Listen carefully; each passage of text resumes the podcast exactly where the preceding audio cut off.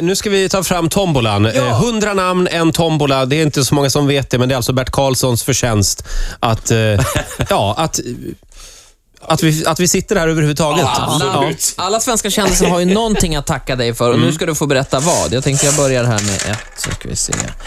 Då blev det 58. Då är det eh, Kristi brud. Ja, Kristi brud är en härlig brud. så. Hon har Jag ju tycker- Jesus att tacka för en del också. Nej, för fan. Det är jag faktiskt Jesus för henne. Du är alltså Jesus. Ja, nej, men, det var hon- du som jag upptäckte gillar henne. Alltså, faktiskt. Alltså, det, hon har fått mycket skit alltså, som inte eh, hon förtjänar. Hur kan du gilla Kristi brud? Ja, men då känner inte du henne. Nej, det är det som det gör är jag inte. skillnaden. Nej. Jag känner henne På som vilket person. sätt har du hjälpt till, henne- till hennes karriär? Ja, jo, skrev väl en nyanserad bok, alltså en variant. Jag skrev ju fyra olika versioner kan man säga, eh, utav vad som hände där uppe egentligen. Och eh, jag tror att man får en klar bild utav vad som hände faktiskt efter det. Jag hade ju polisprotokoll och allting. Så att eh, det var media, eh, drev mot henne mycket.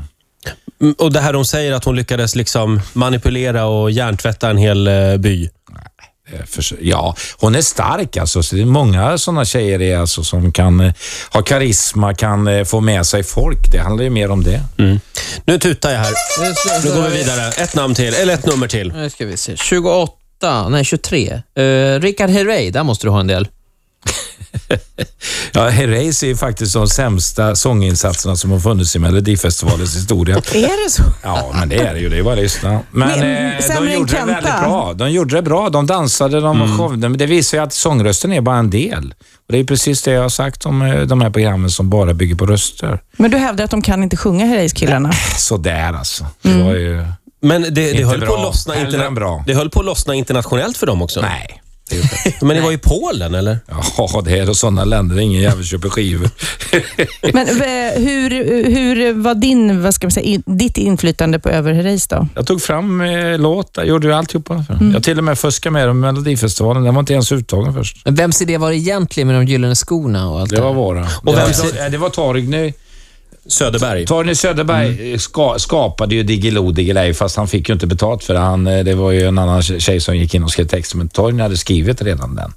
De viktiga delarna. Vi gjorde det här, för vi tittar på Fame-serien nämligen. Rickard var ju med som dansare från USA. Ja, just det. Mm. Och där tittar vi på den. Och vi- Han, den skrevs direkt till dem alltså. eh, Faktiskt. Vi hade ett helvete för vi fick amerikanska kassetter och de fungerar ju inte i Sverige så vi fick hitta någon som fixade dem. Men men vi gjorde det och sen så skickade vi den till juryn när de inte hade tagit ut dem först. De var reserver.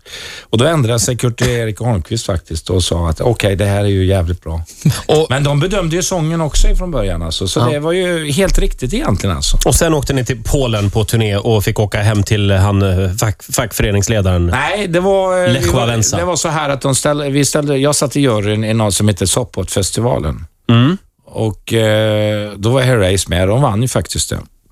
Och då åkte jag hem till han eh, faktiskt för att eh, Lech Walesa? ja, jag, Mm. han bodde i något eh, grått hus högt över Gdansk där. Och Det tyckte jag var lite häftigt. Oj, och sen blev han president i Polen. Ja, det kanske inte var min förtjänst helt. Ja, vilken ödmjukhet du bjuder på. Men en annan höjdare, det var ju ubåtskapten som jag, jag- han jobbade hos mig. Han som körde på grund i Karlskrona. Han jobbade hos mig en hel sommar. Varför jobbade han hos dig? Jag köpte ju den där jävla båten och körde den till Sommarland. Det är klart du gjorde.